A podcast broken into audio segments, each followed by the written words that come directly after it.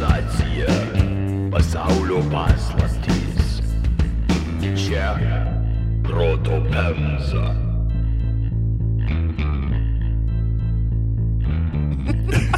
Galim perduoti savo linkėjimus, tai vėliau tikiuosi gerai jauties šiuo momentu. Povilai, jeigu klausai. Pirk bitkoinus, pirk bitkoinus dabar. Dabar pirk. Nemaro, tu galvoji, kad 2009 metus eina šitą. Sveiki prisijungę į Proto Pemza, unikalų Lietuvoje idėjų pristatymo servisą tiesiai į jūsų smegenis. Tam, tam, tam.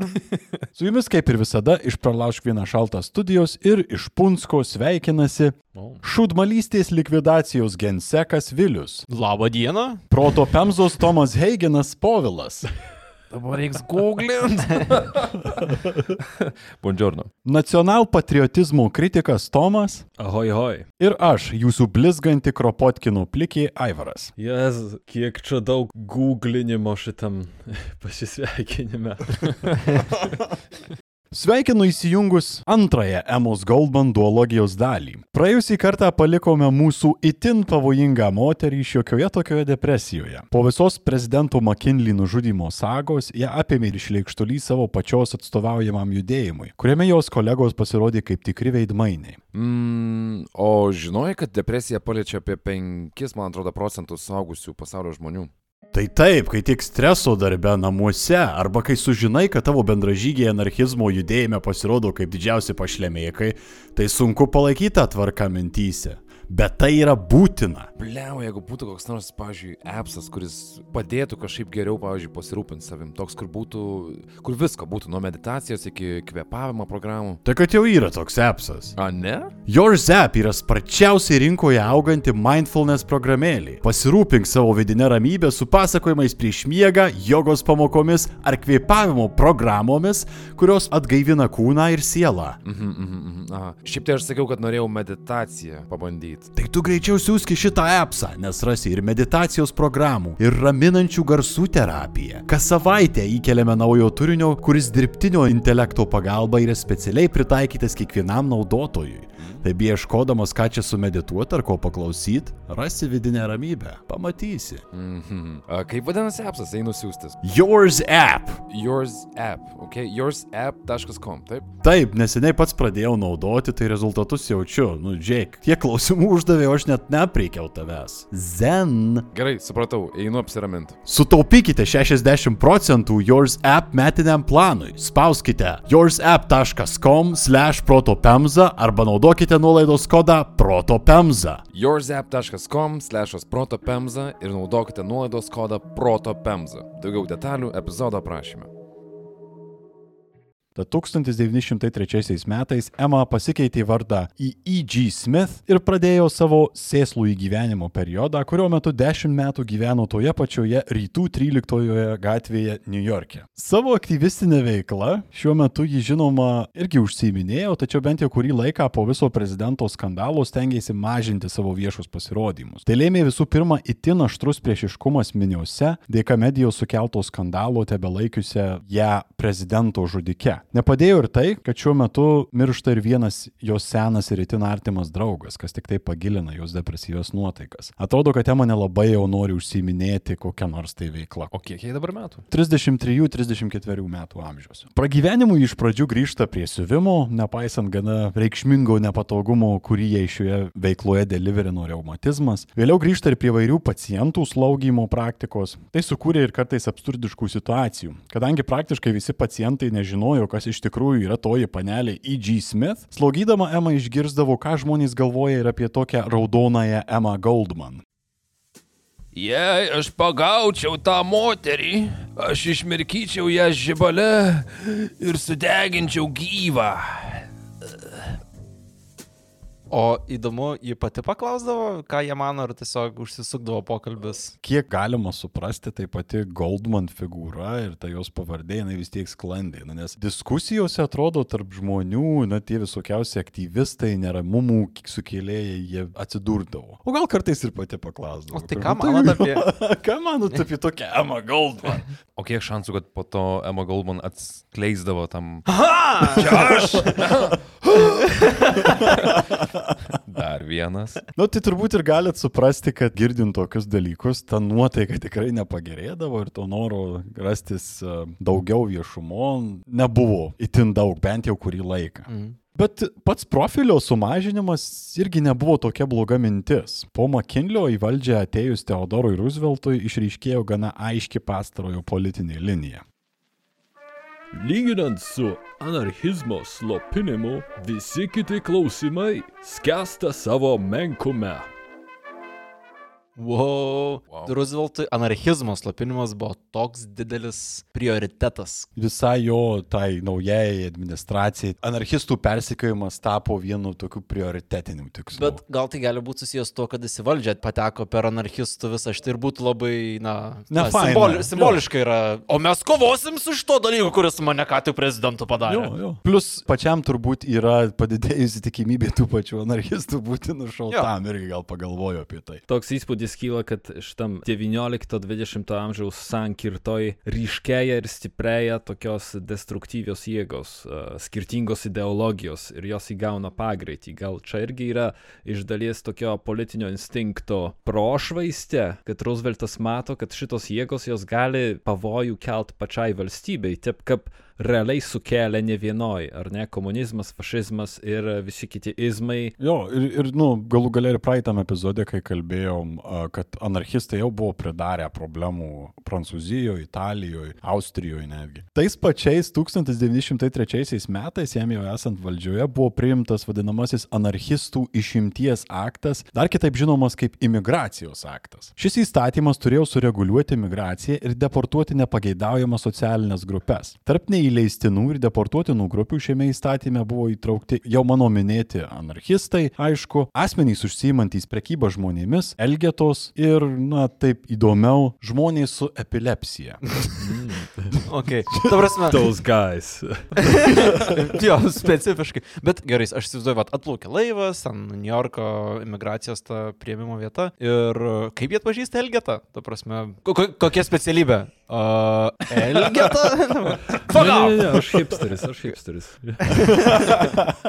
Ei, jeigu epileptikus kažkaip atskirt bandė ten plešindami šviesą, Prožektorius. Atmerk Tai, tai žiūrėk, kiek epileptikai tai atkrito tiesiog, tai daug lengviau, žinai. Pirmą nuo epilepsijos tikrinamo, tada kas tai buvo. Tai epileptikas, Elgeta, anarchistas, kuris prekiavo žmonėmis, būtų visiškai tobulas žmogus. Visiškai Neįleistinas. Ne amerikietiškas The materialas. least American you can get. Okay.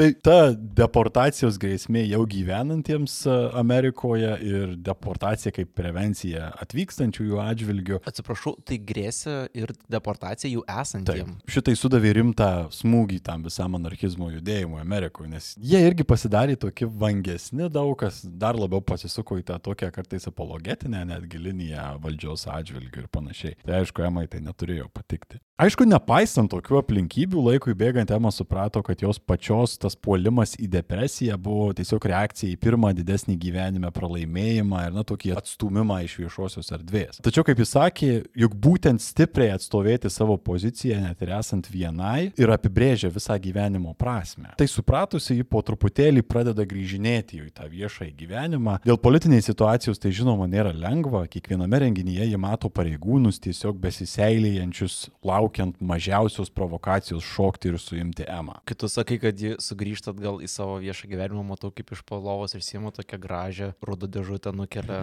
dangtį ir ten apdulkėjęs botagas. Suklyjuotas per vidurį. Nupučia dulkę, žinai. Back to the front! Seniai negirdėjau to. Jie motivuoja ir tie patys vieši renginiai, paskaitos, tačiau dar labiau paliečia atsinaujinę susitikimai su darbininkais. Tai pavyzdžiui, nuvykusi pas šachtininkus į vieną kasyklą, ją sujaudina 90-metis vyras. Stop, sakė. Taškas. Šachtininkas, 90 metų šachtininkas ją sujaudino. Pau, pau, pau. A, Jį matau 90 metį vyrą, kurį vietiniai vadina Grandpa Jones, kuris šachtose dirba kartu su savo 8 mečiu pronukiu, kurį visiems pristatinėja kaip esantį 14, tačiau visiems aišku, kad jam tos 14 metų nevelnio nėra. Pats sako, man aštuoni. Abu du šitas Grandpa Jones ir jo pronukis dirbo po 10 valandų per dieną tose šachtose.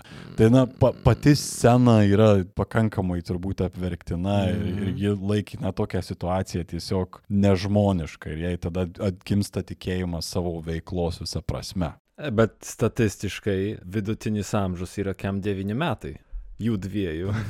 Jo, du, keturis, du vidutinio amžiaus darbuotojai. jo. Ant popieriaus viskas tvarkoja, atrodo. Kaip galite suprasti, tos aplinkybės darbo vis dar nebuvo pačios geriausios. 1906 m. kovą Emma Goldman įgyvendina savo seną svajonę. Pradeda leisti žurnalą, kuriame galėtų skelbtis anarchistai ir kiti laisvai mąstantys menininkai bei mąstytojai. Šį istoriškai svarbų anarchistams ir ne tik žurnalą ji pavadina Mother Earth. Pats žurnalas jisai tapo tokiu gan svarbia skelbimosi platforma, tenais spausdino net ir Levo Tolstojaus kažkokius tai tekstus vienu momentu, na ir visi kiti tokie kaip lyderiaujantys tuo metu laisvamaniai ir las, laisvai mąstantys žmonės, ne tik anarchistai, jos tikslas buvo ne tik tai stumti kažkokį anarchizmą, bet tiesiog leisti visiems su progresyviomis idėjomis pasisakyti, mm. už ką jinai gavo kaltinimus iš visų pusių. Iš kur yra resursų tam dalykui? Kaip Iš minėjai, paskaitų. Kad... Jo, aukoja žmonės, pavyzdžiui, ateidami po dolerį kitą. Kartais, na, jeigu turi gerų draugų, kuriems sekasi, jie taip pat gali tave paremti ir taip toliau ir panašiai. Tai nebėra, kad tik slaugytoja siuvėja būtų, net tas periodas jau baigėsi, grįžta į paskaitas, vėl yra kažkokių pajamų ir iš karto leidžia. Jo, jo, kartais jeigu reikia, na, ir dirba ir tuos darbus, bet e, daug e, gauna būtent iš paskaitų. Čia toks klausimas tam, kad suprasti, ar nėra kažkokio tai specifinio sponsoriaus, ar ne- ar neturi Engelso savo kokio nors. Buvo keli didesni sponsoriai jos gyvenime, bet nebuvo niekada kažkokio itin stabilaus veikėjo. Tai vienas kitas žmogus ir taip toliau. Mother Earth pavadinimo kilmės lypi gana banalioje istorijoje. 1900... Kas man yra? Na, žiūrėk, kaip fucking Kadyrovas, kai tau don, pats don. 1906 m. vasarį ji kartu su vienu draugu ryte išvažiavo į gamtą. Buvo dar šalta, tačiau ore jautėsi pavasaris. Ir kaip ji pati sakė, Žemė jau pradėjo verštis iš žiemos gniauštų, joje jau rodėsi žali taškeliai, nurodantis į gyvybę, brusdančią motinos žemės iščiose. Motina žemė, aš pagalvojau, tai ir bus mūsų vaiko vardas - žmogaus maitintoja, laisvo žmogaus, neapriboto prieimu prie žemės. Dar svarbesnis Emos motivacijai buvo kitas įvykis. 1906 m. gegužę po 14 metų kalėjime pagaliau buvo paleistas jos gyvenimo partneris ir įkvėpėjas Aleksandras Bergmanas. Jūs 14 metų. Žinai, kiek ten voratinklių reiks atkabinti. Ema nors ir stengiasi su Bergmanu jam esant kalėjime susirašinėti ir jį lankyti, kada tik leisdavo kalėjimo vadovybė, labai baiminosi, kad gyvenimai bus jau per daug ją ir Bergmaną išskyrę. Ji prisiminė savo pirmą įspūdį jį pamačius, kai jisai grįžo iš kalėjimo. Tas keistai atrodantis vyras, ar tai Saša? Pagalvojau, jo veidas mirtinai išbalęs, akis uždengtos dideliais, nedailiais akiniais, o jo kepurė jam buvo per didelė, per daug apgaubusi jo galvą. Jis atrodė apgailėtinas, beviltiškas. Saša atrodė labai liūdnai. Sugniuždytas 14 metų kalėjime, kuriame su juo elgėsi ekstra žiauriai, mintimis jis vis dar buvo jame ir sunkiai galėjo funkcionuoti normaliame pasaulyje. Ema suprato, kad kova dėl Sašos išlaisvinimo kažkuria prasme dar tik prasidėjo. Bergmanui norėjosi tylos, tad ir visur jį persekiojantys žurnalistai ir gerbėjai negerino situacijos. Susitikimai su bendražygiais taip pat kėlė paniką. Galvojau net apie savižudybę. Pykosi su ta pačia Ema, kuri jam kalint pati tapo stipresnė ir savarankiškesnė bei nebūtinai sutinkanti su visomis Bergmano ideologinėmis pozicijomis. Tačiau Ema visada stengiasi būti šalia ir jį palaikyti, suprasdama jo būklę. Tai gaunas, kad e, jis, kai sėdi kalėjime, jai buvo apie kiek daugiau nei 20, ne? Ir jis su tuo atsiminimu atsisėdo ir išėjo su visiškai kitu žmogum susitikti. Realiai, jo. Nes jinai tapo vienu labiausiai atpažįstamų turbūt veidų visuose socialiniuose judėjimuose Amerikoje. Saša po truputėlį saugomas Emos pradėjo iš naujo atradinėti savo tikslą. Galiausiai prisijungė ir prie Mother Earth leidybos, kuris Emos aktyvių turų ir paskaitų dėka įgavo vis daugiau dėmesio ir gerbėjų. Kryžiaždžius Berkmanas sudarinėtų ir kryžiaždžių atsakymas būtų visą laiką koks nors kalėjimo kančios terminas. Izolatorius. Kraujuojantis su... 1907 m. rūpjūtį Ema sudalyvavo dar viename anarchistų kongrese. Šį kartą Olandijoje. Olandija buvo pirmoji šalis, kurioje kitaip nei Amerikoje ar Prancūzijoje anarchistams buvo leista atvirai surenkti savo konferenciją. Net žiniasklaida Ema nustebino, nes ji kalbėjo apie anarchistus ne kaip apie bepročius, o kaip apie rimtus žmonės su rimtais tikslais, net ir būdami jiems kritiški. Po Olandijos jinai apturėjo viešnagę vėl Paryžiuje, Londone, taip pat Škotijos miestuose. Ir būdama Škotijoje jis sužino, kad JAV valdžia jos nebenori įsileisti atgal į šalį. Būtent remiantis tuo antianarchistiniu aktu. O čia toks geras saik. Aha. Emai teko grįžti atgal namo per Kanadą. Taip ir galvoju. Taip apgaunant amerikiečius, besitikėjusius jos rytiniuose šalies uostuose. Atrodo, kad ta siena su Kanada yra tokia kiaura, kad visi meksikiečiai norint patekti į Ameriką galėtų tiesiog nuplaukti Kanadą ir perėti į Ameriką, nes kontrabanda, anarchistai. Jo. Grįžusi atgal į JAV, ji vėl puolė dirbti prie Mother Earth, kuris per laiką, kurį jinai praleido Europoje, su blogu merdėjo ir jai reikėjo vėl rasti finansų. O tai Amerikos valdžia nepastebėjo, kad negrįžo? Pastebėjo, kad jinai Ai, bet grįžo. jau kapą. grįžti jau. Jau viskas. viskas. Jo, būtent, būtent negali, nu kažkaip negalėjo jos išmesti. Jos paklausė vienu metu, kaip jūs čia pasiradot, nes visi sakė, kad nenori jūsų įsileisti. O jinai tiesiog pasakė, tai paklauskite Amerikos imigracijos pareigūnų. tiesiog- Burn. Va, va, va, tai jie gali surinkinėti uh, valkatas iš gatvės ir siūsti juos į kitą šalį ir epileptikus kartu, bet anarchistų negali.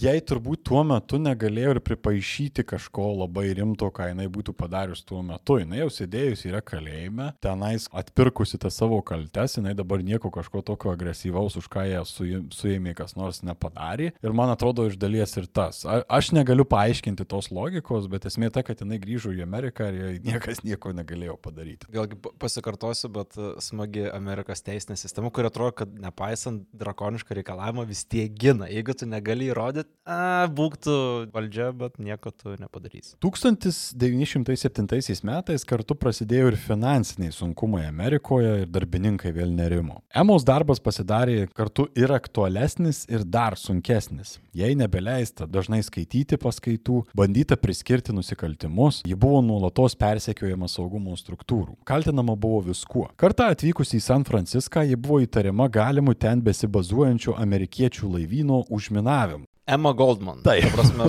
Taip. kaip naras nuplaukė ir užminavo laivyną, ne laivą, laivyną. Okay. Skamba rusiškai. Jo, Kur sukurtų istoriją. Tiesiog, Jo, va. nu, žiniasklaida buvo labai sulakė vaizduotė, kaip ir minėjau. Tiandras Emma tokia klausy. Navy Seal. Mhm. Tikrai ta žodžio prasme. Ruonis, iš tikrųjų. Su kiekvienu pilnu menuliu.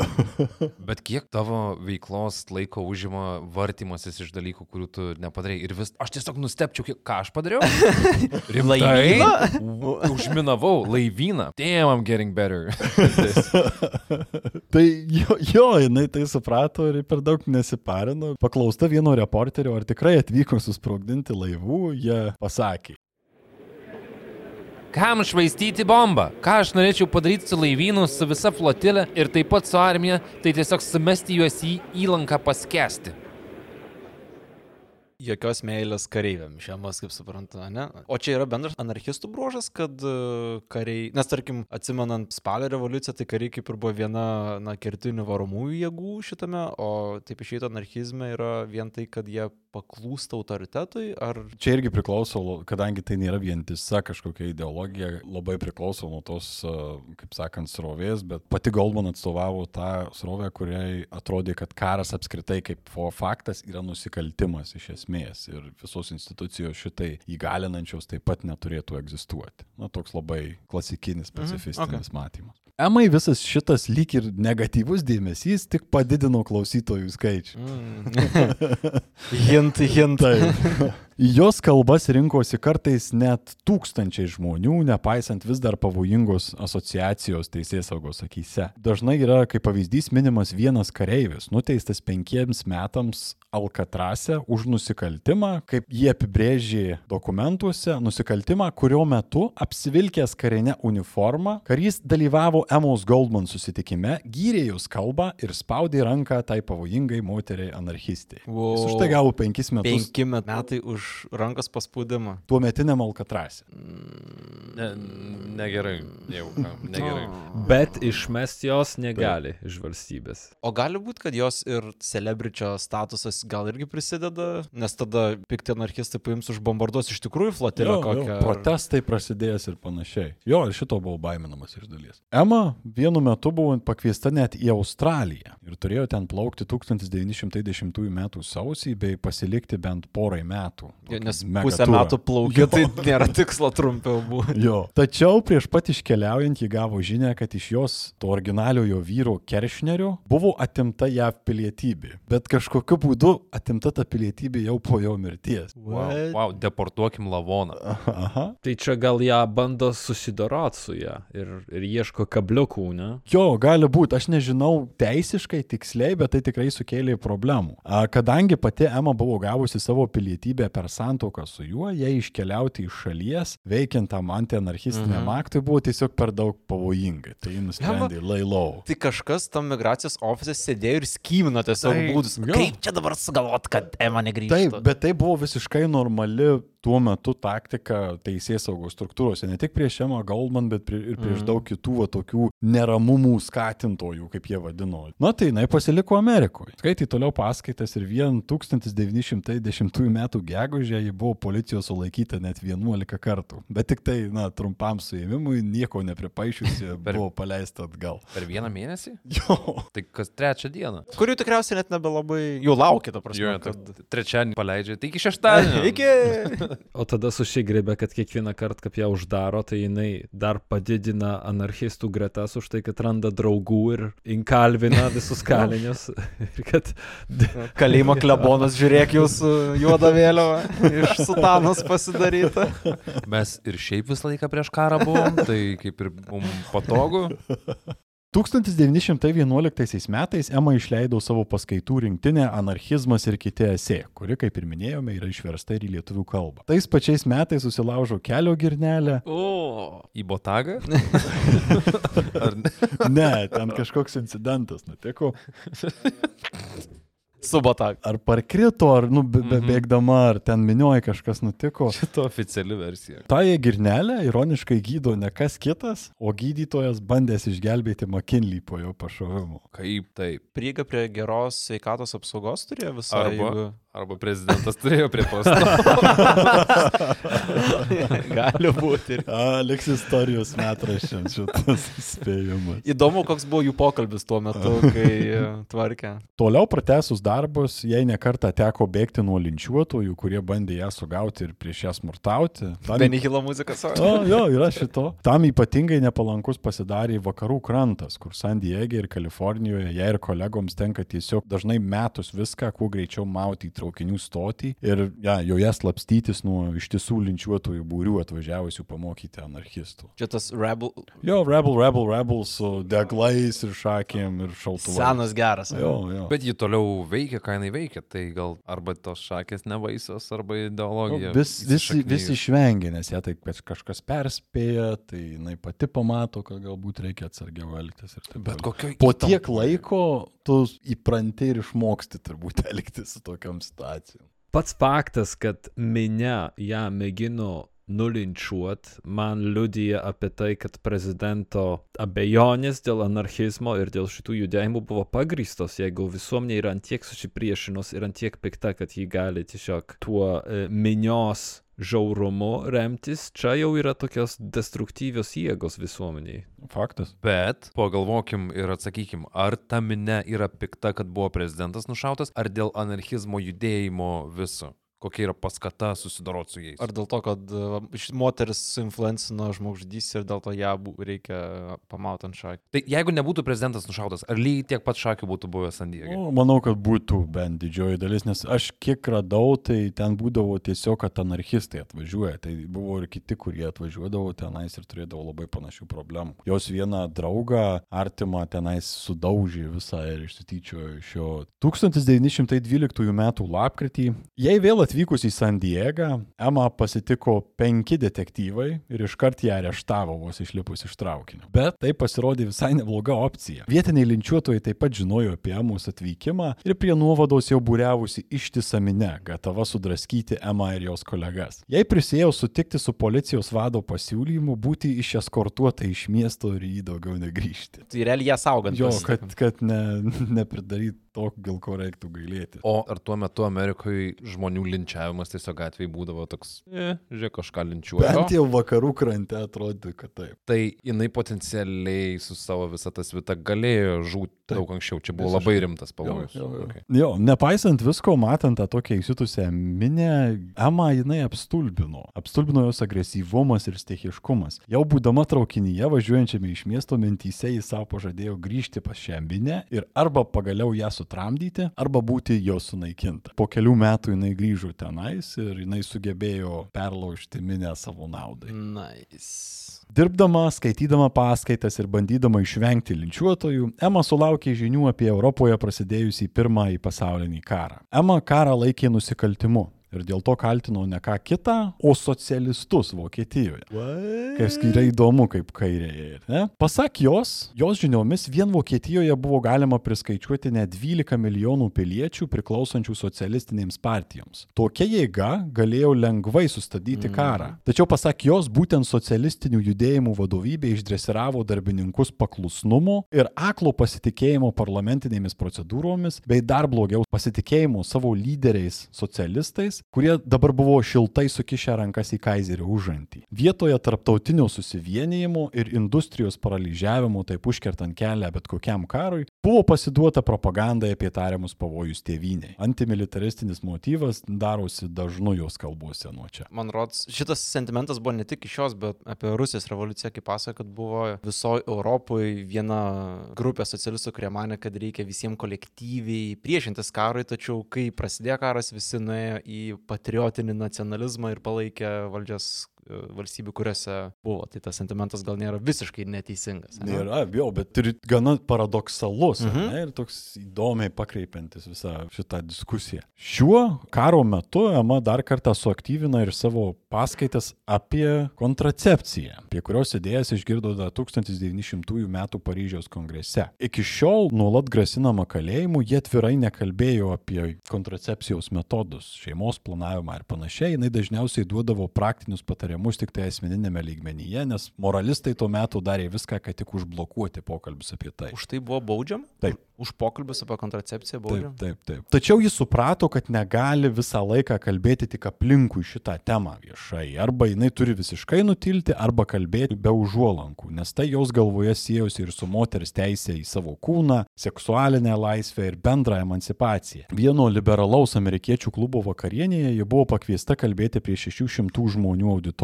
Ir jinai ketino kalbėti apie kontracepciją pirmą kartą tiesiai šviesiai. Draugai jos jau iškart pradėjo rinkti pinigus galimam užstatui poemos areštą. Dar kalbai bevykstant, ne? Prieš kalbą I- įvyksta. Oh, this is gonna be bad. Taip, jie jau ruošiasi. Rizikų valdymas. Jie ruošiasi todėl, kad Emos veikla prieštaravo dar 1873 metais priimtam vadinamajam Komstoko įstatymui, draudusiam dalintis ne tik priemonėmis, tačiau ir bet kokia literatūra susijusia su kontracepcija, vadinant tai iškrypimu. Aš nenustepčiau, jeigu dar yra valstybių, kuriuose kažkaip užsilikęs toks įstatymas. Ne iki galo išimta. O kadangi nes, nesu susipažinęs su 19-20 amžiaus pradžios kontracepcija, apie ką mes kalbam šitoje vietoje? Diafragmos, ciklo sėkimas ir panašiai. Už ciklo sekimą baudžia? Už skaičiavimą. Kalbėti apie tai. Ok, ok. Aš nesidomėjau, kaip buvo daromos pirmosios diafragmos, tačiau jos tikrai buvo. Jau buvo aktyvistai ir aktyvistais, kurios bandė šitą dalyką populiarinti. Na tiesiog šeimos planavimo tam tikrus dalykus įvesti, kas Nu, jo, neturėk 11 vaikų, gal bus biški lengviau gyventi. Nu. Ema su užduotimi susitvarkė puikiai, kalbėjo tiesmukai ir labai praktiškai apie tokius dalykus kaip vaisingumo ir menstruacinio ciklo sėkimas, diafragmos. Įsivaizduoju tą salę su tiek daug nuraudusių žmonių, nežinančių kur dėti. Well, Never. jo, jo. 2022 Lenkijos mokykla. right in the Lenkijoje. Už savo kalbą jinai po to net gavo pagirimus iš ten buvusių gydytojų už sugebėjimą pristatyti įtin sudėtingą ir delikačią temą švariai ir natūraliai. Ema po truputėlį pradėjo apie tai konkrečiau kalbėti ir kitur, bei ėjo dar toliau. Šalia to pradėjo kalbėti ir apie homoseksualumą ir jo nepagrįstą stigmatizavimą. To pasiekoje jai ateidavo guostis ir prašyti patarimų ir savęs besigėdijantys ir savo seksualinę orientaciją slepiantys žmonės, kuriuos visą gyvenimą visi aplinkui laikė iškrypėliais. Hooveris pasibeldžia į duris. Aš čia darbo reikalas.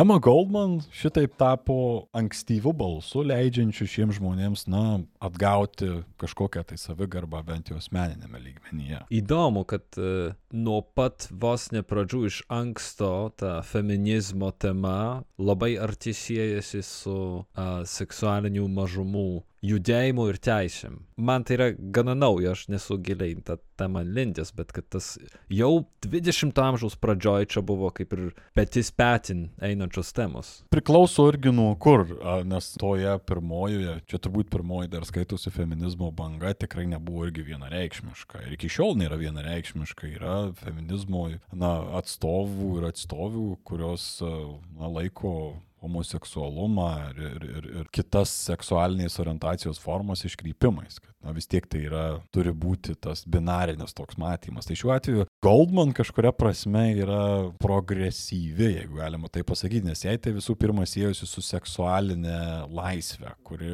na, moters atveju tai buvo ypač svarbu. Todėl, na, tą principą jinai taikė sąžiningai visiems šiuo atveju. Iš to, kad tu sakai dabar, na, apie kontracepciją, kal- kalbos apie seksualinę laisvę, apie, apie homoseksualumą, atrodo, kad uh, iš to laikmečio, arba nežinau, ar tiesiog iš Emos Goldman atėjo uh, visi, visi dalykai, dėl kurių dešinieji protestuoja Amerikoje ir visoje viso Europoje tik tai prieš, pakin, šimtą metų, ne? Tai Jo, didelė dalim taip. Tačiau 1916 metais kontroversiškų temų populiarinimas jai vėl sukėlė bėdų. Prestižinėje Carnegie Hall salėje Emma areštavo už paskaitas apie kontracepciją pagaliau. Kadangi Emma jau buvo visiems kaip ir žinoma, iškart kilo protestai prieš jos sulaikymą, nes ji turėjo ir nemažai gerbėjų. Jos teismas įvyko 1916 m. balandžio 20 d. Emma pati nusprendė sakyti savo ginamąją kalbą, kurios metu pareiškė, kad jeigu darbas už sveiką motinystę ir laimingus vaikų gyvenimus yra nusikaltimas, ji didžiuojasi būdama nusikaltėlė. Emma už tai nuteisė 15 dienų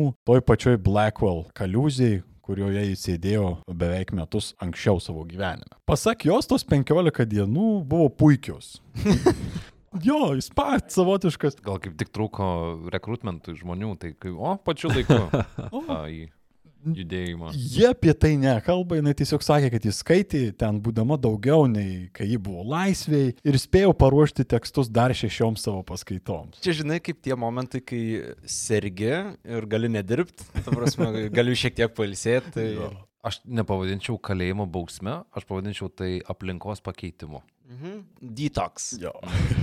Šitas Emos suėmimas turėjo ir platesnių pasiekmių. Visa epopėja ir protestas aplink Emos teismą padidino visuomenės susidomėjimą gimstamumo kontrolę. Visoje šalyje pasipylė reikalavimai gauti informacijos apie kontracepciją. Net teismų sistema kai kuriuose Amerikos vietose pradėjo suvokti, kad negalima teisė už tokios informacijos kleidimą, nes tai yra absurdiška. Nors kova buvo dar tik pradėta, Ema šitaip svariai prisidėjo prie šeimos planavimo temos įvedimo į viešąją erdvę. Geras. Jos paskaitose lankėsi net ir teisėjai ir kiti svarbus žmonės, na, girdami tas emos pastangas. Tačiau tuo pat metu dėl DK karo augančios politinės įtampos, o taip pat ir Emos dalyvavimo antikariniuose protestuose, instituciniai kilpa gniaužėsi ir daugėjo pačių pareigūnų bandymų pakišti įtariamus anarchistus. Ar čia prastai pasirinktas laikotarpis? Nes įdomu, kad iš viso karo akivaizdoje klauso kažkas tokių iš normos labai iškrentančių netgi prieš įstatyminių dalykų. Bet hei, įsivaizduoju, kiek buvo žmonių, kurie išgirdo ir galvo, palatai mes galim mylėti ir neturėti vaikų. Wow. Kodėl man anksčiau nepasakėte apie šitą? Būtų nereikėjo paskutinių trijų vaikų Džonais pavadinti. Džonais. Baigėsi vardai. Čia kaip palauk yra tas boksininkas uh, George Foreman. Jeigu jūs pasižiūrėtumėte Wikipedijoje, jis savo vaikus yra pavadinęs George. Damn. O sunumeravo bent jau? Yra, man atrodo, šiek tiek numeracijos. Šiek tiek. Random skaičiai. Jo, Džordžas. George Džordžas, 17 Džordžas ir Palauk. 4. George Jr., George III, George IV, George V, George VI. Ir Damn. yra, jis savo uh, puslapyje paaiškino savo pasirinkimą. I named all my sons George Edward Foreman, so they would always have something in common. Boksas yra rimtas sportas. Ir yra net nickname'ai tiems. George III yra Monk, George IV yra Big Wheel. Kaip kalėjime kličkas turi visi. Want to say hi to Big Wheel, Ray Ray? Shout out to y'all. GTA veikėjai. Jo. Jo. Bet tai aš, kad nickname'us turėjau, kas sakytų, hey George, visas. Penki atbėga iš karto. George V yra Red ir George VI yra Little Joey. Fuck? Gerai. Ema visai ramiai gyveno iki kol 1917 metais ją pasiekė, kaip tuo metu jai atrodė ypač džiugi žinia. Rusijoje prasidėjo vasario revoliucija. Čia nežinantiems priminsim, kad čia buvo kaip ir visos uh, didžiosios Rusijos revoliucijos pradžia. Čia revoliucija prieš spalio revoliuciją. Mhm. Amai džiaugsmą kėlė visų pirma tai, kad tai nebuvo politinio elito vedamas perversmas, o kad jame, kaip tuo metu jai atrodė, dalyvavo visi žmonės, nepaisant amžių, despotizmų ir priespaudos. Tai matėsi ir Amerikoje, kurią paliko eilės ją anksčiau imigravusių žmonių iš Rusijos, dabar jau tikinčių naujos Rusijos viltimi. Iš tos pačios Rusijos atvažiavo įvairūs aktyvistai gauti paramos, kviesti žmonių grįžti atgal, nes caras nuverstas ar, ar, ar maždaug nuverstas ir taip toliau ir panašiai. Čia buvo tas trumpas langas, kai buvo laikinasis parlamentas Jo, Rusijoje. man ne? atrodo, jo. Šitų visų, na, tokių pasikeitimų metu jinai susidūrė New York'e net su Levu Trotskiu, besilankiusiu keliems susitikimams Amerikoje. Ema su Bergmanu taip pat pradėjo galvoti apie savo sugrįžimą į Rusiją, nors ir jautė stiprią trauką savo naujai tėvynai. Galiausiai prezidentas Woodrow Wilsonas paskelbė, kad JAV taip pat įsitrauks į karą Europoje, tuo metu vis dar vykstantį. Tai į pacifizmą linkusius anarchistus galutinai paskatino likti JAV ir dirbti prieš JAV dalyvavimą kare. Tvarkykime. Geras atmazas, ne grįžti Rusiją. jo, jo, tai mes čia labai daug reikalų dar turim ne, nepabaigtų, žinokit. Tai... O tai planų Woodrow Wilson šauti neatsirado? Žinai, po 14 metų kalėjime turbūt jau ten braška. Ne, Bergmanas maždaug, ne, ne, ne, ne, ne, ne, ne. ne Fool me ne. once. Jo.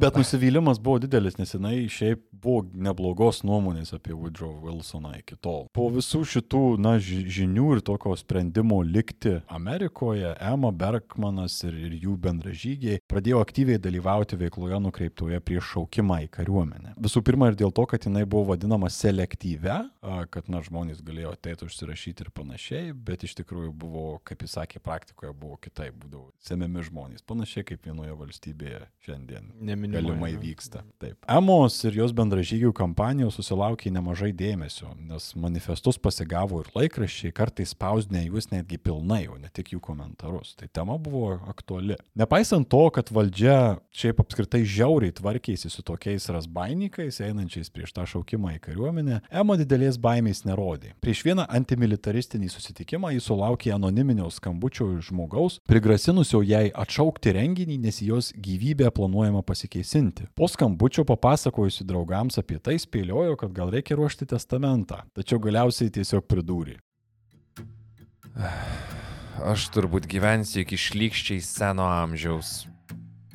Po kurio laiko Ema vėl areštavo. Šį kartą už antikarinį straipsnį žurnale Mother Earth. Emma buvo jau taip pripratusi prie to, kad prasidėjus kratai jos namuose tiesiog nuėjo į miegamą į persirengti į patogesnę suknelę nakvynėje reštinėje. Ir ten policija dar bandė sustabdyti kažkokie eiliniai pareigūnai, bet detektyvai, kurie jau žinojo ją iš toliau, sakė, leisk. Ei, o tuo metu moralė nepriverstų policininkų likti už durų, kai moteris persirenginėja. Tai gal ir. Jai ir liepė persirengti esant vienai, nes policininkas norėjo būti su ja. Įsivaizduojate, ateina į kambarį, renkasi suknelę, praverčia spintos taip dar giliau skyrių, pasižiūri į mažą rudą dėžutę. Va dabar. Emma ir Bergmaną, kuris na, buvo suimtas kartu, uždarė su didžiuliais užstatais. Už kiekvieną buvo nustatyta po 25 tūkstančius dolerių. Damn. Tuo pačiu juos abu apkaltino ir konspiraciją prieš šaukimą į kariuomenę. Draugams vos ne vos sukrapšius sumą, Emma buvo paleista. Žiniasklaida, aišku, iš viso šito paleidimo padarė konspiraciją ir teigė, kad ne draugai, o Kaiseris sumokėjo užstatą. Tam, tam, tam. Niek, niek, niek. 1917 m. birželio 27 d. per 48-ąjį Emos gimtadienį įvyko jos ir Bergmano teismas. Ji savo asmeniškai džiaugiasi šituo achievementu, kad per gimtadienį jos teismas vyksta.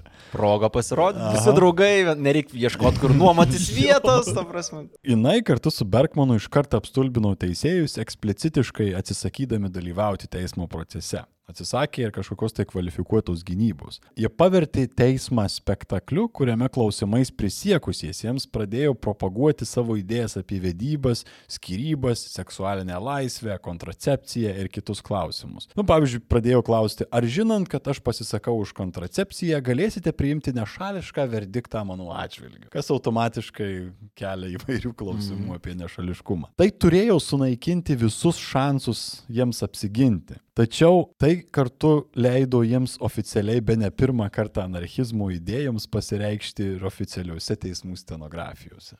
Teisiškai tai nėra, kad jie negali. Ir dar savo agendą prastuminėja tuo metu, kas yra visiškai rebel. Visi šeštokai nori tokiais būti, bet niekada nebus. Ir šitoj vietoj jie nebuvo toli nuo savęs išgelbėjimo, nes kaltintojai buvo apgailėtinai prasti, ten traukė visokias nesąmonės, sakė, kad Emma Goldman skatina eiti prieš kariuomenę ar kažkas tokio, nors ji nei vienoje vietoje irgi gudri būdama nesakė to eksplicitiškai. Na, taip toliau. Čia ta pati, kur bandė užminuoti visą Jo, laivyną, jo, pati viena. Taip, va tokio lygio kaltinimai buvo. A, Na, bet nepaisant to, dėl sukelto žiotažo ir to tokio galbūt negatyvaus požiūrių jau prieš ateinant į teismo salę, Emma ir Bergmanas buvo nuteisti abu du kalėti po dviejus metus kalėjimo ir gavo po dešimties tūkstančių dolerių baudą. Tai Bergmanui nesiseka. Aha. Ir teisėjas taip pat nurodė paruošti dokumentus Emos ir Bergmano deportacijos svarstymui, kuomet jų bausmė pasibaigs. Uf. Mother Earth leidyba iš karto buvo nutraukta ir didelė dalis Emos knygų ir raštų buvo užbaninti Amerikoje. Užbaninti turime visiškai. Uždrausti. Wow. Ei, bet čia pasiekimas. Mano mintys surašytos į veikalus yra draudžiamos. Tai reiškia, kad Kažką darai gerai. kažkoks jo įrodymas yra. Bet kita vertus, jeigu tavo tikslas yra tas mintis kleisti, tai beiškis sunkiau. Ema iškart išvežė į kalėjimą. Kitą kalėjimą, ne pirmą kartą, kaip kalėjau. Ir sąlygos tuose naujuose namuose buvo geresnės už Blackwellą, nes duodavo net karšto vandens vakarais, o kartu galėjo rašyti ir gauti laiškus. Jei kiekvienas kalėjimas yra spa, ta prasme vis geresnis ir... O dabar į birštą nuvarysim. Gerėja, gerėja sąlygos. Tik bent jau pradžioje jie užkniso kas 15 minučių skambantis laikrodis kalėjime, to, kur to skambėjimo pabaigoje visada kažkas surikdavo toli. Viskas gerai! Po dviejų savaičių tame patogiame kalėjime ją trumpam ištraukė iš jo vienas draugas, kuris buvo stiprus teisininkas ir sugebėjo apskūsti teismo sprendimą. Ema turėjo apie tris mėnesius iki kitos sesijos. Sužinojau išėjusi, kad jos sūnėnas, sesers Helenos sūnus Davidas užsirašė į kariuomenę. Nors jai tai labai nepatiko, ji nieko nesakė ir nebandė jo atkalbėti, nes tvirtai laikėsi nuostatos, kad toks sprendimas yra kiekvieno asmens mhm. laisvės ir Jo. prerogatyvos klausimas. Vėl tam tikras, turbūt, jeigu galima pasakyti, nuoseklumas, nes jeigu tu kalbi už laisvę, tai tu turi duoti tą Jo. laisvę žmogui. Savo ruoštų jį toliau dirbo prieš militarizmą, net ir laukdama kito svarstymo. Tai buvo itin sudėtinga daryti dėl vis sunkėjančios politinės situacijos JAV, tačiau sales vis tiek rinko pilnas, ypač kuomet kalbėdavo apie įvykius Rusijoje. Dar daugiau tam peno radosi, nes spalio revoliucijos dėka valdžion Rusijoje atėjo bolševikai. Tačiau čia kaip tyčia Ema gauna aukščiausiojo teismo sprendimą. Ji turi grįžti į kalėjimą, išsėdėti savo bausmės. Ji šį kartą yra išvežama į Jefferson City kalėjimą, kuriame ji ir praleido ateinančius porą metų. Jei dar esant ten, 1918 m. lapkričio 11 d. visoms kalinėms buvo leista nedirbti. Niekas nesuprato, kodėl tuo metu. Tik kitą dieną jums paaiškinau, kad buvo pasirašytos paliaubos. Pirmasis pasaulinis karas baigėsi. Bet kaip įdomu, moterų kalėjime laisvadienį duoda už tai, kad karas baigėsi. Alkatras atsimenu laisvą dieną davė, nes buvo beisbolo finalas. Svarbios dienos. Super Bowl, visą. Jo, jo. Prioritet. Nu, reikia vyram pažiūrėti. Tačiau šalia džiaugsmo Emai atėjo ir liūdna žinia. Emos sūnėnas Davidas liko kažkur Prancūzijos laukuose. Kai jis ėjo į kariuomenę, jis galėjo pasilikti kariuomenės orkestre, kuriam buvo ir priskirtas, kadangi buvo gabus muzikantas. Tačiau jis pasiprašė į frontą, kuriame ir baigė savo dienas. Davido motina Helena ėjo iš proto, iš sielvarto. Ema pergyveno, kad būdama kalėjime ji negali dorai paguosti savo sugniždytos sesers. Mano sesuo Helena rodė man daugiau meilės ir rūpeščio nei mano tėvai. Be jos mano vaikystė būtų dar nikesnė. Ji mane apgynė nuo daug smūgių ir malšino mano jaunystės sielvartus ir skausmus. Tačiau aš negalėjau niekaip jai padėti, kai jai labiausiai to reikėjo. Emai beliko tikėtis, kad laikas šiek tiek išgydys e, Heleno žaizdas, o pati Ema, pabaigusi bausmę, galės kur nors Heleną išsivežti ir padėti atsigauti. 1919 metais Ema į kalėjimą suėjo 50 metų, nors ji pati juokavo, kad jai dar tik 30, nes savo tikruoju gimtadieniu laikė savo 1889 metų atvykimą į New Yorką, o ne 20 metų prieš tai. 1919 m. rugsėjo 28 d. ji išėjo iš antrojo ilgesnio savo safario JAV kalėjimų sistemoje. Po viso to iš karto grįžo į Rochesterį pasimatyti su Helena ir nors tikėjosi jos blogame stovyje, vis tiek buvo nustebinta. Netekusi daug svorio, sugniuždyta ir nuolatos verkianti Helena buvo pavertusi į seną moterį. Helena paprašė Emos pasiimti ją į New Yorką, ką Ema, nors ir būdama skeptiška, pažadėjo jai padaryti. New York'e Ema susirado butuką, į kurį įsikraustė su Helena ir jos dukra Mini. Pradžioje viskas atrodė neblogai. Nauja vieta, darbai ir pažintys lyg atgaivino Heleną. Tačiau nusidėvėjus pirmam įspūdžiui vėl grįžo depresija ir kalbos apie sugriuvusį gyvenimą. Helena net prašė Emos padėti jai baigti dienas ant šio žemės. Dėl to kilo ir šiokių tokių konfliktų. Helena apkaltino Emą nenuseklumu, nes pastaroji visada sakė, kad kiekvienas žmogus yra laisvas daryti su savo gyvenimu, ką nori, o staiga savo seseriai neduoda net to, ką suteiktų negaluojančiam gyvuliui. Tad Ema, lyg ir prieimusi argumentą, nustojo ginčytis, tačiau aktyviai seseriai nusižudyti nepadėjo. Vietoje to, kiekvieną kartą išeidama miestan, bijodavo grįžinti ir rasinti Heleną išsitaškiusią ant šaligatvio. Pirmam aukšte gyvenu. Galų gale Ema turėjo ir kitų bėdų. 1919 m. spalį prasidėjo svarstymai dėl jos deportacijos. Ai, čia tas, kur turėjo būti jei išėjęs iš kalėjimo, ne? Čia Emai viskas jau buvo daug sudėtingiau. Jei kitose šalyse po karo pabaigos prasidėjo amnestijos banga, Amerikoje prasidėjo vadinamieji Palmerio reidai kurių metu dažnai nelegaliomis priežastimis buvo deportuojami nepageidaujami socialiniai elementai, dažniausiai netitinkantys politinių pažiūrų toleruojamų sistemoje. Šitiems reidams vadovavo vienas tuo metu 24 metų vaikinas, tapęs tikra rykšte Amerikai ištisiems dešimtmečiams po to. Įdomu, kas tai toks galėtų būti. Norintiems kiek daugiau išgirsti apie tai, rekomenduojame mus paremti Contribui ir paklausyti antrajai Karpio trilogijos daliai skirtą idėjų komposto epizodą. Kartu suprasite, kas susiję Emos Goldman ir ne bet ko kito, o Alvino Karpio istoriją. Tai jums kainuos vos bokalą alaus per mėnesį.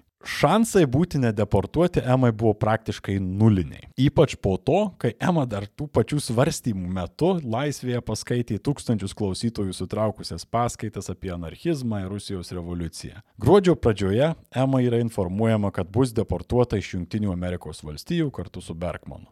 Emma Goldman deportacijai prisistatė į Eliso salą, kur pastebėjo, kad sąlygos nepasikeitė nuo pat jos atvykimo. Turbūt dar ir Nepagerėjo. jo, nepagerėjo. Vis dar flešina naujai atvykusius. 1919 m. gruodžio 21 d. Ema su Bergmanu yra įkišami į laivą. Ema deportuojama į Rusiją. Damn, 19 metais.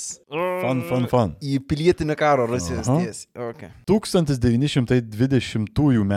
sausį nebe problemų perplaukus vis dar užminuotą Baltijos jūrą, kuri pasirodo buvo dažnai minuojama visada karo metais, ir pakeitus pagrindinį tikslą iš Liepojos Latvijoje į Hanko Suomijoje, Ema pasiekė savo galutinį uostą. Pilna jaudulio ir vilties jį pagaliau žengė į tuo metu jau sovietinę Rusiją ir traukė į tuometinį Petrogradą arba Sankt Peterburgą. Mhm. Tai išvyko 14, grįžo 51. Ir jinai savo turų Europoje metu nebuvo niekad Rusijoje užsukus. Ne, nebuvo Rusijoje. Emai buvo ko džiaugtis. Vietiniai visus deportuotus iš JAV aktyvistus sutiko su šypsenomis ir dainomis kaip ypatingus svečius. Atvežėt pinigų? Iš Amerikos kavos atsivežė, nes, nu, kiti atvyko su tam tikrom atsargom, tai visi laukė, kaip faina ir panašiai. Mani, mani, mani.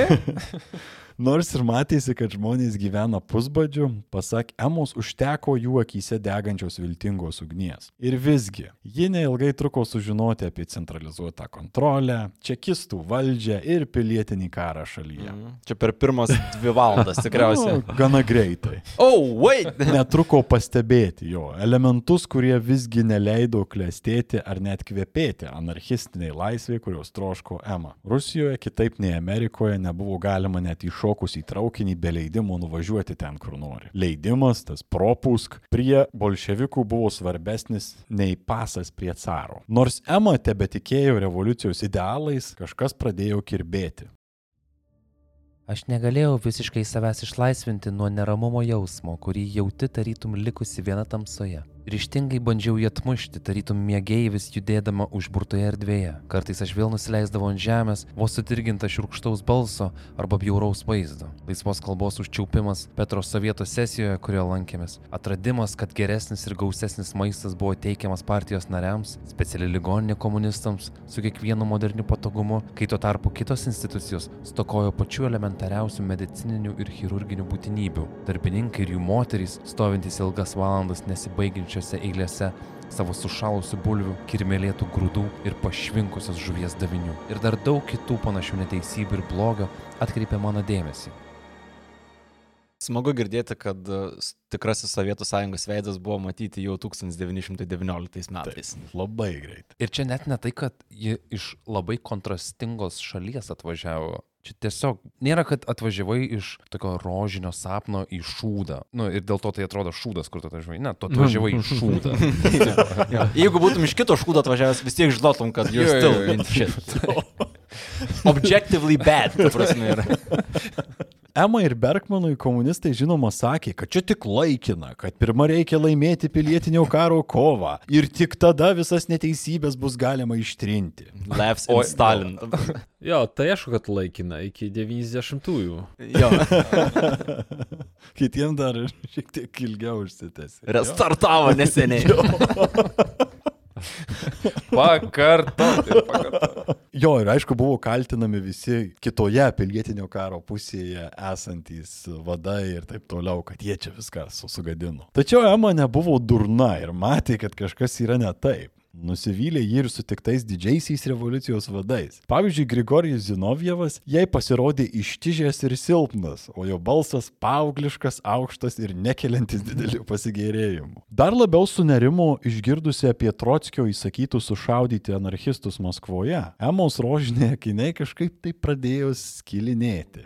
Šūdais plaukti. Jo, juk jai tik atvykus sakė, kad vietinis kalėjimas beveik tuščias, o mirties bausmė seniausiai atšaukta. Bet girdėdama šūvius kiekvieną naktį, Ema ne visai tuo tikėjo. Ei, tai dėl Dažnai to, ir, ferverkus čia šaudo. ne, dėl to ir tuščias buvo tas kalėjimas, kad tiesiog visus iš karto ir šaudė. Jo, ten jai pasakodavo, kad ten kadetai tiesiog treniruojasi, mm. pavyzdžiui, Nu, šaudyti. realiai jie treniravos tik tai ant gyvų A, taikinių. tai. jo, mažai žinomas faktas, bet terminas įspėjamasis šūvis į galvą atsirado Rusijoje.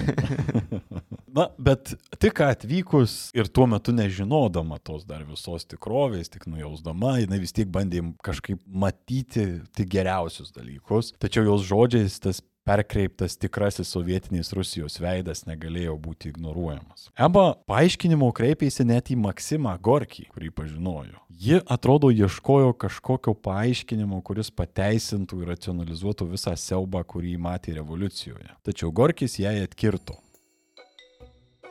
Kaip tu gali būti tokia nustebinta trūkumų, kuriuos randi sovietskoje Rusijoje? Kaip sena revoliucionierė, tu turėtum žinoti, kad revoliucija yra niuri ir negailestinga užduotis. Mūsų vargšė Rusija, atsilikusi ir primityvi, jos masės amžius paskendusios nenuovokoje ir tamsoje, brutalios ir tingios labiau nei bet kurį kita tauta pasaulyje. Vėlgi, kaip smagu, kad vienas amžius nieko nepakeitė. Visiškai. Absoliučiai nulis pokyčių. Progresas? Negirdėjau. Aha. Gorkio žinutė buvo aiški. Visuomenę reikia laužyti tol, kol ji bus tokia, kokios reikia revoliucijos tikslui. Po susitikimo Ema liko nusivylusi. Gorkis, buvęs jos idealu, pasirodė milžinų molinėmis kojomis. Neįtikino susitikimai ir su kita prie viršūnės esančia bolševikų grėtinėle. Tad galiausiai kartu su Berkmanu Ema nukako net pas Leniną. Wow. Pats Vladimiras Iljičius pasitiko abu du anarchistus džiugiai, išgirdamas jų tekstus ir kalbas Amerikoje. Ir Leninas gavo krūvą klausimų dėl to, kas po velnių darosi revoliucinėje Rusijoje ir kas nutikė su laisvu žodžiu. Leninas atsakė taip, kaip iš jo, kaip meluojančio autokratinio ruso galėjo ir tikėtis. Čia yra barzuatinis sentimentalumas. Atimkite ko nors. Tai bus geriausias būdas atgauti revoliucinę pusiausvyrą. Gali nuvalyti mikrofoną. That permanent damage yra.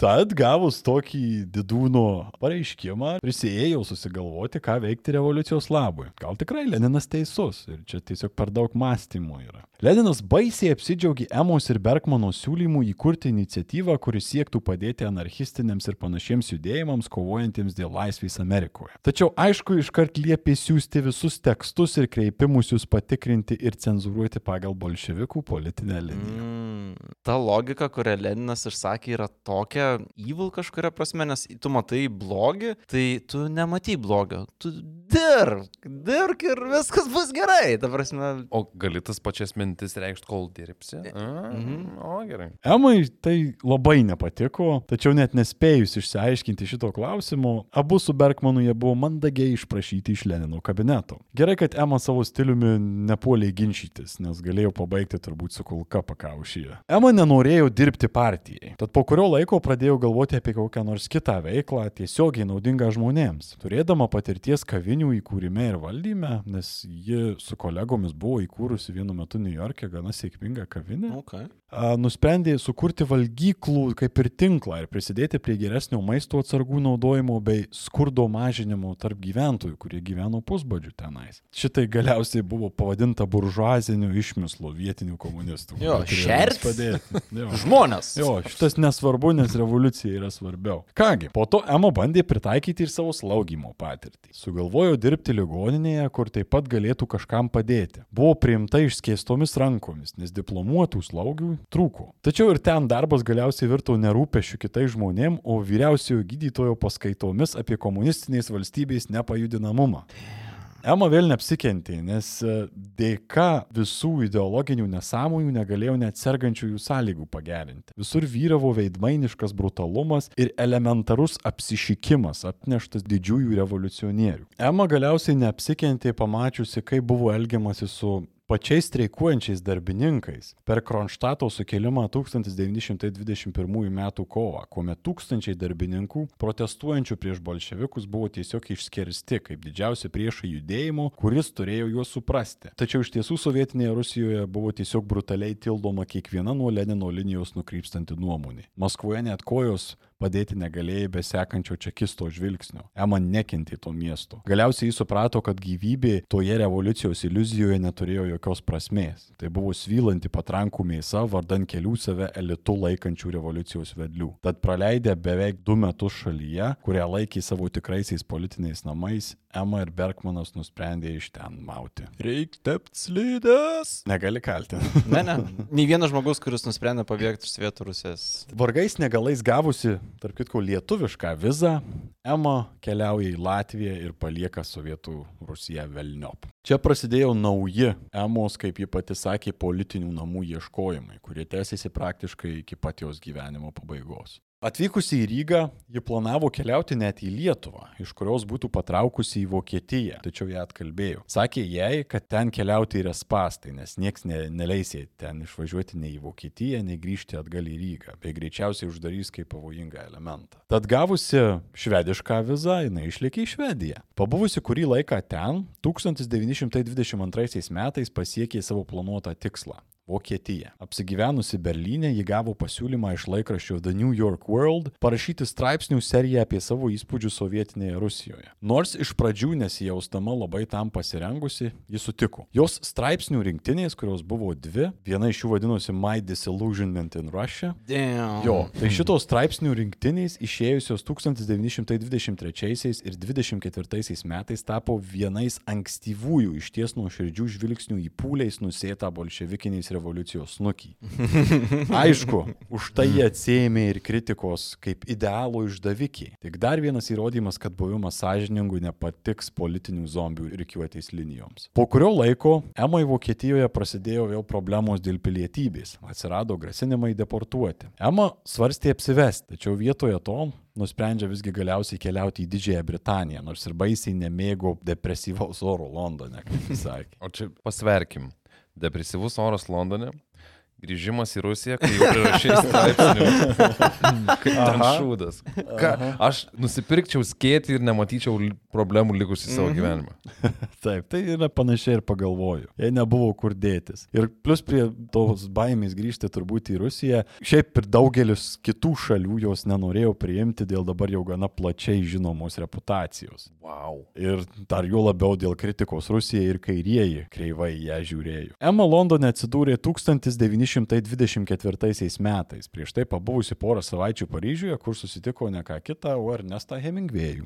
Atvarius į Londoną, jie apsigyveno pusrūsyje, sunkiai gana vertėsi, vėl ėmėsi paskaitų, kuriuose sugebėjo išlikti autentišką savo. Įgavo ypač daug velnių už tai, kad kritikavo Sovietų Rusiją. Tuo metu daugeliu Londone esančių radikalų, atitolusių nuo konteksto, buvo nesuvokiama, kaip didžioji anarchistė Emma Goldman gali skambėti panašiau į konservatyvius torius, nei į socialistus savo Sovietų Rusijos vertinime. Ir niekam nešovė galo mintis, kad ji buvo tam. Ne, žinai, labai prim... seen it with my own eyes. Taip, bet Ko darai? Bet ir vėl kas keičiasi. Ar, nu, man tai asmeniškai labai primena ir šių dienų vakariečius ir veganinių latė kairiuosius, kalbančius pavyzdžiui apie tam tikrų šalių imperializmą Europos rytuose, visiškai nesuvokiant, kokį siaubą jie teisina. Mhm. Ir visgi nebuvo viskas taip jau blogai. Ema vienu momentu sukūrė kontaktus net su garsiu politikos teoretiku Haroldu Laskiu ir filosofu Bertranu Russellu. Pastarojo tiesa, na, viešo kalbėjimo sugebėjimai jos nesužavėjo. Ema bandė pasinerti ir į turtingą kultūrinį gyvenimą Londone. Britų muziejus ir teatro pastatymai tapo itin mėgstamais jos objektais. O Bergmanas keliauja kartu visur. Nu, jis ten maždaug, jisai nebūtinai visada yra tam pačiam mieste, bet, nu, daugiau mažiau toj pačioj šalyje. Jisai užsiemė savais dalykais, bet jie visada yra kontakte.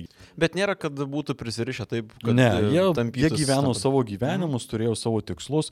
Bergmanas pats parašė savo knygą, kuri, kuri buvo pavadinta The Bolshevik Myth, kur irgi pasako, ką jis galvoja apie bolševikus. Tai jie būtų kalbėjo tai, ką jie norėjo. Ir 1925 metais deportacija vėl pradėjo deginti padus. Dabar, būdama 56, ji nusprendė nesiterlioti ir grinai formaliai apsivedė su vienu vietiniu anglų anarchistu, kurį pažinojau daug metų. Ir visgi Londone laimės galiausiai nerado. Sunkia ekonominė miesto padėtis, o taip pat keistas anglų pasyvumas dalyvaujant darbininkų judėjime galiausiai privertė ją mąstyti apie kitas kryptis. 1928 metais ji išvyko į Sentropezą Prancūzijoje, kur pradeda rašyti savo autobiografiją, priprašyta jie besižavinčių draugų, tarp kurių buvo garsūs autoriai Teodoras Dreiseris ir H.L. Menkenas, padėjo surinkti jai pinigų šitai veiklai. Tai čia vat vieni iš tų didelių vardų. Mm. Ką išmokau iš tos istorijos, kad draugų apsimoka turėti, ne? Atrodo, kad šituo momentu Ema pradėjo ramintis ir pasinerti į savo gyvenimo apmąstymo veiklą. Na ir amžius jau toks. Gyveno, rašė, rūpinosi savo sveikata, na turbūt kartais į kokią skanesnę taurelę išlengdavo vis dar. Porą kartų nukeliavo į Kanadą, kur skaitė paskaitas.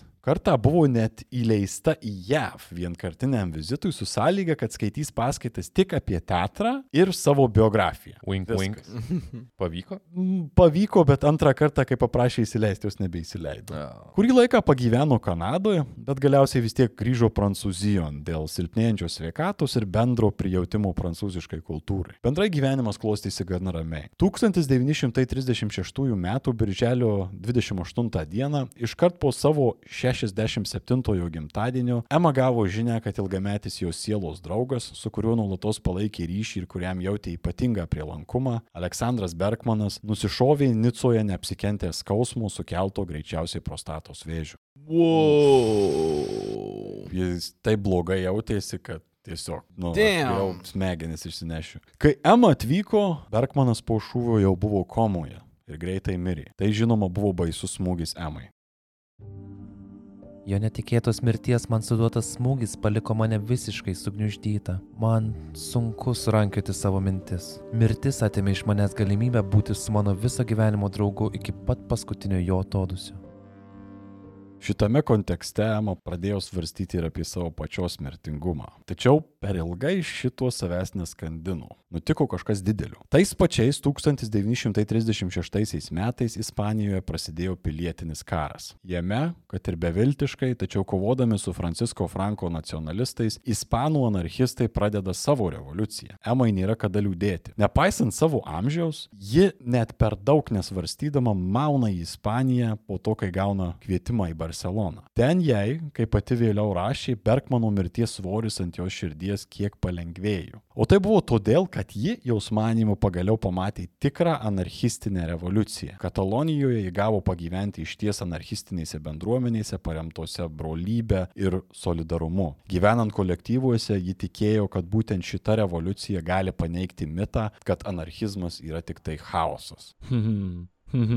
Čia nesivelsime į detalės, tačiau ši revoliucija emos liūdėsiui ir nebe komunistų įsikišimo beje buvo galiausiai sužlugdyta. Nors Ema tebeskaitė paskaitas apie tai, kaip na tokį galbūt krestomatinį atvejį, jis suprato, kad ir šis politinis pakilimas bus numalšintas ir nacionalistai perims valdžią. Taip ir nutiko. Tačiau visam laikui liko vertinama Ispanijoje laikyta netgi savotiška dvasinė ispaniško anarchizmo motina. 1939 metais, neapsikentusi augančios fašizmo bangos Europoje, Ema persikėlė į Kanadą. Stebėdama įvykius vedančius prie antrojo pasaulinio karo, savo raštuose ir pareiškimuose ji dar kartą akcentavo savo priešiškumą bet kokioms valstybių vyriausybių sukelto karo formoms. Ta prasme, jai vienodai griso ir autoritarai, ir vadinamieji demokratai. Jei jie pradeda eiti karo keliu, tai iš principo reiškia polinkį į fašizmą. Jos manimu, Europoje brėkštantis naujas karas atneš tik naujas beprotybės formas šiam pasauliui. Kaip žinome iš to, kas vyko istorijoje toliau, Ema buvo visiškai teisi. Tad galime laikyti šiokią tokią laimę, kad jai neteko viso to pamatyti mhm. ir išgirsti. Labai laiku persikėlė į. Kanadą. 1940 m. vasario 17 d. ją ištiko sunkus insultas, paralyžavęs visą jos dešinę kūno pusę. Nors vis dar girdėjau, kalbėti jau nebegalėjau. Daugeliu jos draugų tai buvo šokas. Žmogus visą gyvenimą ėjęs su savo žodžiu, tarytum ginklu rankose, dabar sėdi tylus. Atrodė, kad pradeda taisytis, tačiau gegužės 8 dieną patyrė dar vieną insultą. To paties mėnesio 14 dieną ji mirė Toronte. O pasaulis neteko iš ties kaip reta veržlios, aktyvios ir turbūt svarbiausia iki pat paskutinės dienos savo ištikimos asmenybės, negalėjusios savo meluoti net tuo met, kai ją aplankė pilno pralaimėjimo jausmas išvydus bolševikinės revoliucijos šlykštumus. Tačiau ji, kitaip nei daugelis kitų, didžiais vyrais save laikančių revoliucionierių, nebuvo ta, kuri užmerkė akis prieš neteisybės. Kad ir kaip prieštarautumėme vienoms ar kitoms jos nuostatoms ir idealams, negalime paneigti šios po Lietuvos saulės susiformavusios asmenybės autentiškumo. Asmenybės, kuri nuolatos priminė, kad veiksmas pagal įsitikinimą yra tai, kas leidžia mums iš ties tapti laisvais. Neveltui ant jos kapo parašyta viena žinomiausių jos sentencijų. Žvelgiant į nūdienos įvykius netoli mūsų, atrodo sunku rasti geriau politinę žmonių būklę ir siekio tyrumą apibūdinančius žodžius. Laisvė nenusileis pas žmonės. Žmonės patys save turi pakelti iki laisvės. Maladėt, Sajorai. Ištraukiai šitą žmogų, kurio tik tai vardą ir pavardę žinau ir dėl klaidingų priežasčių pasirodo į dienos šviesą ir labai malonus pokytis mūsų tinklaudės fone kalbėti apie gerą žmogų, kur biografija yra, na, ne skambego kokio, o žmogaus atjautusio kitus žmonės, didelio žmogaus, žmogaus palikusio didelį ir, manau, ryškų pėtsaką dabarties savivokai. Turint omeny tai, apie ką aš nekėjom apie įtakas 20 amžiaus pradžioj, dėl seksualumo, dėl kontracepcijos ir, na, dėl kitų dalykų, kurie šiuo metu gal atrodo kaip savaime suprantamos diskusijos dalis, kas ta tikriausiai buvo visiški pakraščiai, bet labai reikalingi žmonėm, kurie ten uh, jautėsi, kad yra. Dar labiau neįtikėtina, kad jį gimė Kaune, nors tas faktas man kažkaip, net jeigu ir ne Lietuvoje būtų gimus, nežinau, ar tai, na, nesumenkina niekaip tos asmenybės uh, įdomumo, uh, praplaukti pro tam tikrą politinę mintį, ne, pro idėją ir nusinešti paskui save tiek daug uh, žmonių su šituo. Nice. Ir uh, dar uh, nežinau, ar esu girdėjęs istorijų apie labai kietas oratorės moteris iš tikrųjų. Ir tuo pačiu oratorė šalyje, kuri net nebuvo jos gimtoji šalis. Jo, ta prasme. Tai čia dar papildomos kliūtis tau tapti tokiu Mhm. veikėju, o jinai kselino. Aš net su savo kalba nesukontroliuočiau vieną kambarį žmonių. Šiaip tam laikmečiui kontroversiška klajoklė, tikrai, bet tiek apdengti te savo rūpeščių teritorijų ir žmonių ir kad tave užčiauptų realiai tik tai insultas. Pats tu, realiai. Taip. Tavo paties smegenis tave užčiaupia. Jo. Su tokiu tempu išgyventi 70 metų irgi nėra juokas. Kieta boba, kieta boba. Nežinau, tikslesnių žodžių nerandu. Ir įspūdingas sąrašas žmonių ir įvykių, kuriuose dalyvavo, su kuriais susitiko. Reiškia, Džekas Londonas, Hemingwayus, Trotskis, Leninas, Russellas, Helen Keller, beveik Oskaras Wildas. Įtariu, kad ir Džordžas Orvelas kažkur ten šmeščiojo netoli Ispanijoje. Tie, jie buvo toj pačioj orbitoj per visą tą Katalonijos reikalą. Aha, tai tokia 19-20 amžiaus anarchizmo Forestas Gampas šiek tiek. ja, jo. Papuolant geras nuotraukas. Jo. Tikrai įdomu buvo ne vien tik tai dėl pačios Goldman ir jos įtakos, bet ir dėl fono, kuriam jai teko veikti. E, už tai, kad mums kažkaip gal užgoža pirmas pasaulinis karas ir antras pasaulinis karas, visus tuos didžius procesus, kurie iki jo privedė. Bet, e, nu, ten buvo parako bačka ir toj bačkai tik tai didėjo metai iš metų tiek Europoje, tiek Amerikoje. Šiaip, e, kas man ir tokia visai naujiena buvo, ant kiek Amerika buvo nerami tuo metu ir toli Mhm. gražu ten nebuvo aišku, ar jie įsijungs į karą ir kad jie tikrai turėjo rimtų priežasčių to nedaryti. Ta prasme, viduje šalies turi pakankamai didelį jovalą, kad dar ir e, į tokias avantūras e, už jūros, už Atlanto verštis ir vis dėlto. Ir va tokį visai nemažą akmenuką prisidėjo ir kaunietė.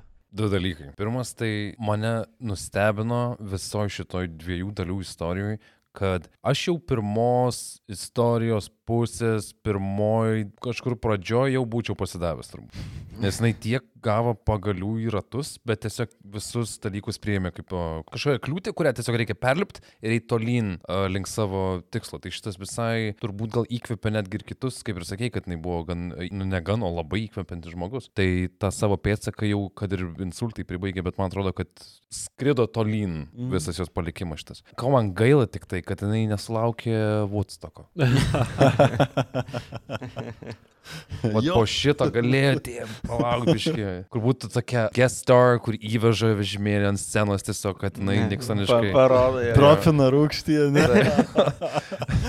ir uždaro festivalį jos pasirodymą arba atidaro. Neužmigščiai negaučiau atsakymo. Ar ją palaidojo su botagu, ar botagas kažkur muziejui dabar? Nežinau, bet žinau, kad leido jos kūną parvežti atgal į Ameriką, jinai yra palaidota kažkur ten prie Čikagos ir ant jos antkapių yra neteisingos jos gimimo ir mirties datos. Ar tai data, kai jinai atvažiavo į Ameriką? Ne, tiesiog sumaišytos datos. Gal kažkas iš mūsų klausytojų gali nueiti ir nuotrauką padaryti. Visai tiktų. Kad žinotum. Jo, jeigu važiuosiu kada į? Ameriką, tai tikrai... Reiks- Goldman reik- Reiks tikrai jo nuvaryti. Labai turtingą gyvenimą pragyvenau. Nebuvo Jo, jo. kraujo ugnies brutalizacijos jos pačios padarytos. Hei, nužudytas vienas prezidentas yra. Čia kalėjime sėdėjo. Nu, bendrai nėra to tokio brutalumo, bet paliko įspūdį, kaip jinai praėjo viską. Tai ne tau vienam, Aivarai. Mhm. Manau. Ačiū, Man Aivarai. labai malonu, jeigu a, jums kolegos ir jums klausytojai, besiklausantiems šitos epizodus, taip pat a, galbūt a, sudomino šitą asmenybę, tikrai rekomenduojam paskaityti apie ją daugiau. Aš čia tik tai dalis suminėjau. Na ir paskaityti jos darbus. Ta prasme, jūs galite nepritarti, tačiau kartais praplėsti savo akiratį alternatyvių pasaulio matymų taip pat nepakenkia. Gal nepasodinsi kalėjimą niekas už tai. Mhm. Negalim pažadėti. Jo. Negalim pažadėti. Negalim Nežinom, kada jūs pažadėti. klausot iš tikrųjų. Neramus laikai dabar. Jo, tai turbūt šiandien tiek kviečiame visus e, jūs e, sekti mus Facebook'e, Instagram'e. Ateikit, laikinkit. Taip, YouTube, vos už alaus a, bokalo kainą per mėnesį galite mus paremti ir gauti įvairaus ekstra turinio, kurį a, norime ir planuojame tik tai plėsti, plėsti, plėsti. Apsilankykite a, mūsų kolegos Tomo rubrikoje Ką šneka Lenkija. Atkreipčiau dėmesį, kad šneka uh, rašosi su SZ, tai ne visi gali rasti iš karto, tai nepamirškit, ką šneka Lenkija su SZ. Šilenkiška, jo, nereikia skaičių naudoti visai. Patogu, patogu. Turbūt tiek ir iki kitų susitikimų ateityje. Iki. Iki. Kas. Iki. Su Dar kartą dėkojame visiems mūsų klausytojams už paramą net ir šiais tamsokais laikais. Klišiai klišiai, tačiau iš ties mūsų nebūtų be jūsų. Kartu primename, kad turime minties ramybės praktikos pasiūlymą. Galite sutaupyti net 60 procentų YourZap metiniam planui. Spauskite yourzap.com/protopemza arba naudokite nuolaidos kodą protopemza. Daugiau informacijos epizodo aprašyme. Na ir žinoma, industrinio dydžio padėka mūsų didiesiems rėmėjams Contribui platformoje. Simui B, Simonui, Jovitai K, Gabijai D, Karoliui P, Migliai P, Jurgitai Z, Agnietai, Daliai, Gretkai, Ugniai A, Antemeridijam, Sandrai M, Medeinai M, Austėjai S, Mariui V, Gabrieliai, Nerijui, Aistei V, Lincei, Giedriui N, Gerdai V, Jolitai, Mindaugui J, Ernestai, Viktorijai, Monikai B, Gintariai G, Gediminui S, Editai, Walter Punk, Aleksandrui N, Mindaugui, Eugenijui, Juliui A, Semui G, Dan, Doviliai V, Rimantui L, Vaidui Bu, Mindaugui R, Linai J, Brigitai S, Astai, Anastasijai, Arvydui, Mindaugui V, Gretai V, Sauliui S, Edvinui J, Donatui T, Justinai S, Andriui, Pijui G, Ufonautui, Feindrei, Akviliai, Rasai S, Gretai A, Ingridai, Greitai R, Rokui M, Greg V, Kerniui, Rūtai Paulinai, Tomai, Vitalijai, Evelinai I, Gabrieliui S, Rolandui P, Indrei G, Gergerdai, Domantui T, Aurimui B, Evelinai M, Justinui, Gretai, Artūrai, Jovitai M, Simui, Dainiui M, Eirimei, Mildai. Ir žinoma dėkuoju savo, Ainui A, Rasai D, Simonui U, Virjau Punk, Ninskaitei, Audriui Nor, Mikui, Artūrui L, Kūgiui Mūgiui, Laurai, Mirandai Z, Urtei, Justinui K, Kunigundai Č, Karolinai Š, Evelinai V, Auritai, Rūtai, Šarūnui S, Migliai, Stepan Pri, Justinai Č, Arminui V, Besaikevičiūtei, Evaldui V, Mantvydui B, Domui U, Rokui, Agniai S, Jūratei, Marijui Ž, Gabrieliai Š, Marijui Ž, Martinui, Justei A, Edvardui G, Džiugui, Arūnui, Kamiliai, Rasai Z, Kotrynai, Dominikui S, Astai Š, Tomui, Ingridai P, tavo tėvui, Jūratei, Rimai, Andriui Andreliui, Emon Zemon, Gretai R, Dariui M, Andriui K, Vaidui M, Mildai, Gabrieliai C, Gretai R, Giedriui, Jorindai K, Rasai, Povilui V, Mariui V, Tomui B, Egliai Č, Edvinui D, Mantui K, Robertui P, Julijai, Tomui S, Šarūniai, Linui, Godai, Indrei, Vytautui J, Dariui K, Augustinui Matu, Alvitai Č, Mariui, Emantui Z, Viliui, Skirmantai, Monikai B, Žygimantui A ir Kristinai D. Ačiū, ačiū, ačiū ir iki kitų kartų.